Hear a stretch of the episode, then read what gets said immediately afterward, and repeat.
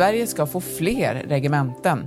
Efter kalla krigets slut, Sovjetunionens fall och Sveriges inträde i EU krympte det svenska försvaret och på tio år lades nio av tio arméförband ned. Idag är läget ett helt annat.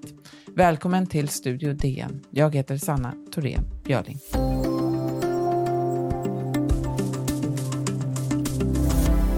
På onsdag fattar regeringen beslut om att åter öppna regementena i Sollefteå och Falun. För fem år sedan bestämdes att också Gotland skulle få tillbaka I13. Fler regementen kan vara på gång. Det här är svaret på en allt mer osäker geopolitisk situation där alla inte är vänner längre. Och i samband med att Ryssland invaderade Ukraina 2014 slutade Sverige helt att nedrusta. Mikael Holmström, du är säkerhetspolitisk reporter på DN. Hej! Hej, hej! Du, om man börjar, vad är ett regemente egentligen?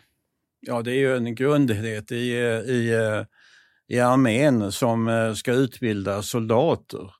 Och eh, då utbildar man ju, man lär ju soldaterna att fungera först i en, i en grupp, 10 och sen i ett kompani uppåt 100-150 och sen eh, så blir kom, kompanierna blir en bataljon, kanske 500 till 1000 man och sen så till slut får man ihop en brigad på 5000 man sa jag, men nu är det även kvinnor, så att eh, 5 000 personer. Så regementena är liksom den fredstida organisationen. Men uppgiften är ju att utbilda krigsförband. Just det.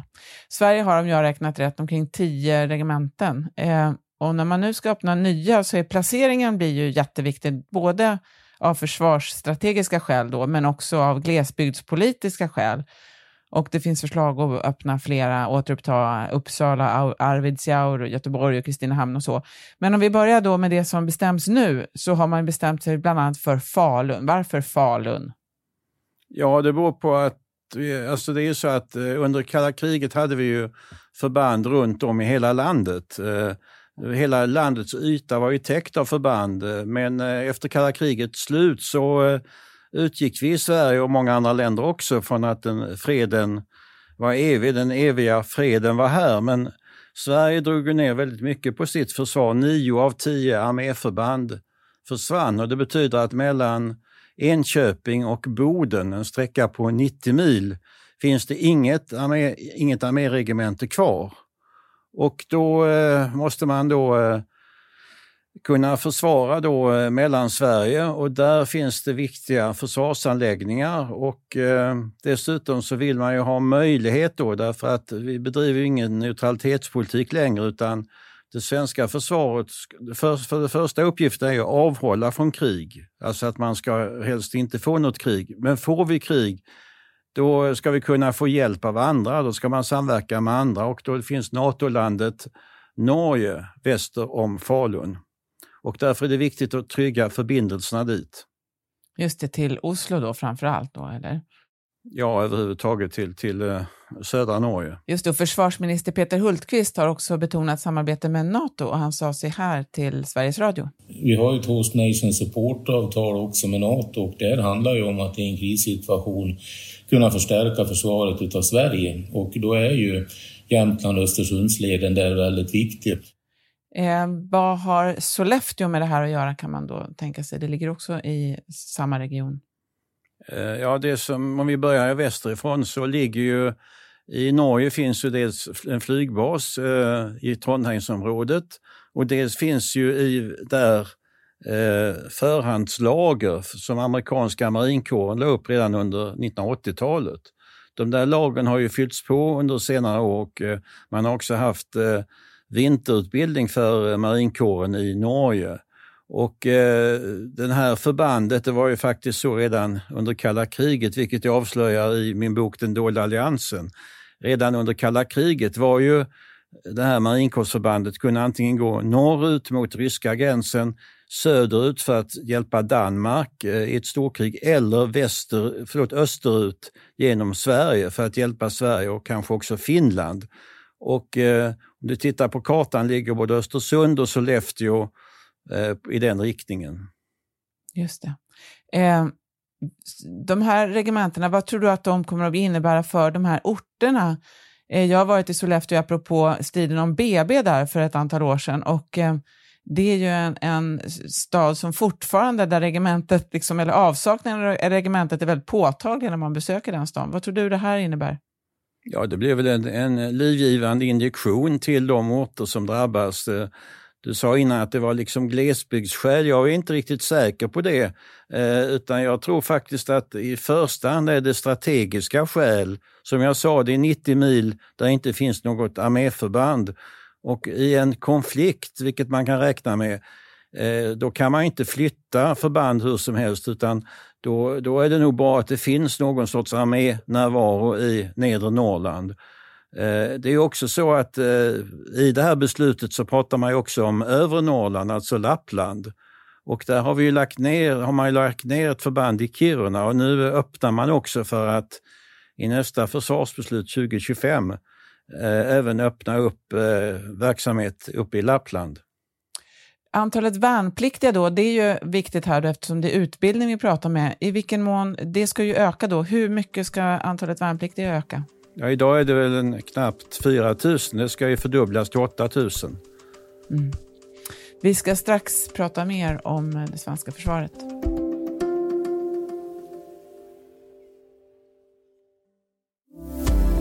Vi pratar med Mikael Holmström, DNs säkerhetspolitiska reporter.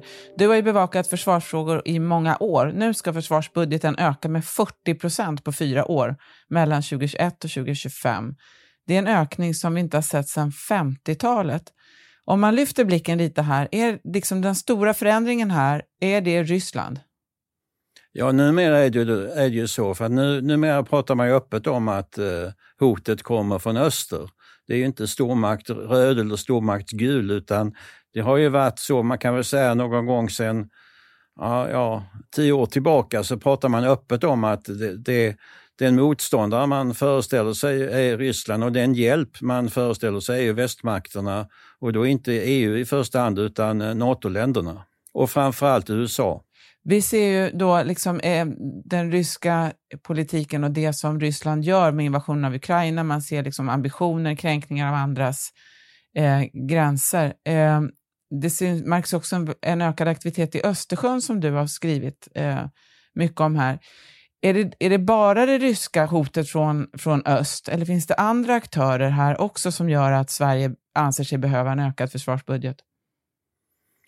Nej, jag skulle vilja säga att, att, att överhuvudtaget att hela den europeiska säkerhetsordning som man ansåg att man liksom byggde upp efter det kalla krigets slut, då även Ryssland var med under Boris Jeltsin som president, där man förband sig att göra en massa saker den säkerhetsordningen har ju vittrat sönder genom eh, Rysslands angrepp på Georgien och sedan Krimkriget, som ju fortfarande, eller kriget i Ukraina som fortfarande pågår. Och eh, sedan det uppträdande Ryssland har haft, där man har övat, eh, haft stora övningar, där man bland annat eh, simulerat kärnvapenangrepp på, på Warszawa och man har de här nervgasattackerna i Salisbury i Storbritannien och eh, och nu att man även använder nervgas mot, mot Navalny och den, den egna oppositionen. Alltså Ryssland verkar ju hela tiden testa gränserna och se hur långt man kan gå. Och eh, den västliga reaktionen, eh, Ryssland säger att det är Natos utvidgning som ligger bakom då den här att alla rustar upp. Men faktum är att när Nato utvidgade så hade man inga försvarsplaner för de baltiska länderna. Utan de planerna har ju, satt, det har ju kommit så att säga efter det ryska agerandet. Man ska komma ihåg att president Obama tog ju bort de sista amerikanska stridsvagnarna från Europa eh, 2013, men sedan då efter, efter invasionen av Krim så började man skicka, skicka tillbaka stridsvagnarna över Atlanten. Mm. Vi vet ju att i Sverige då att den svenska försvarsberedningen att det har funnits sina, den har haft sina sammandrabbningar internt då. Men det brukar ju sägas också att politisk enighet är väldigt viktigt på det här området. Skulle du säga idag att det finns en politisk enighet om den, försvars, eh, den linje som Sverige ska ha i försvarspolitiken? Ja, det är ju ganska enastående att alla de eh, åtta partierna som var med i beredningen var ju med på eh, det, det som nu görs. Men sen var man ju oense om pengarna till det.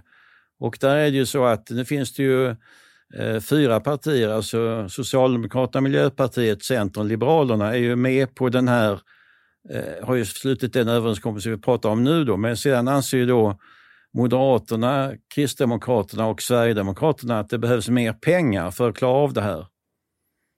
Just det. Vad, vad skulle du säga är, finns det, vilka är de stora stöttefrågorna här framåt då? Ja, dels är det ju att ekonomin, att det verkligen eh, att, att, att pengarna räcker. Och då, är det ju, finns det ju en, eh, och då har man ju försökt eh, se till också att försvarsindustrin ska hållas i stramare tyglar Eh, och man ska verkligen kontrollera att pengarna går till det man har sagt. Eh, så att där försöker politikerna styra upp det hela. Så ekonomin är ett problem. Ett annat problem är ju att, eh, att det kan saknas officerare för att klara av allt det här. Och där har ju Försvarsmakten, deras personalförsörjning, det har ju varit väldigt mycket upp och ner i och med att man avskaffade värnplikten och skulle ha yrkesförsvar. Nu ska vi åter ha värnpliktiga och, och samtidigt ska vi ha anställda soldater.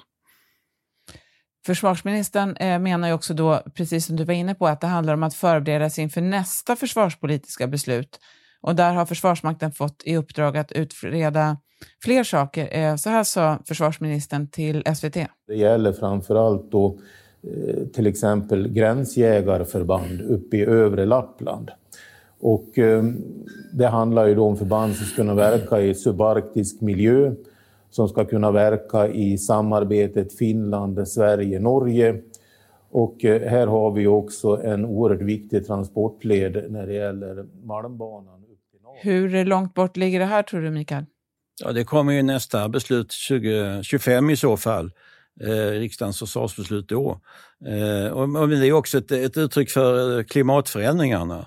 Att Arktis har blivit mycket hetare och eh, det pågår en militär kapplöpning där. Ryssland har ju byggt upp eh, baser eh, nära Finlands gräns och även återetablerat sig i ishavet och man har ju övat allt mer offensivt västerut till och med alltså ner mot Skottland och så vidare.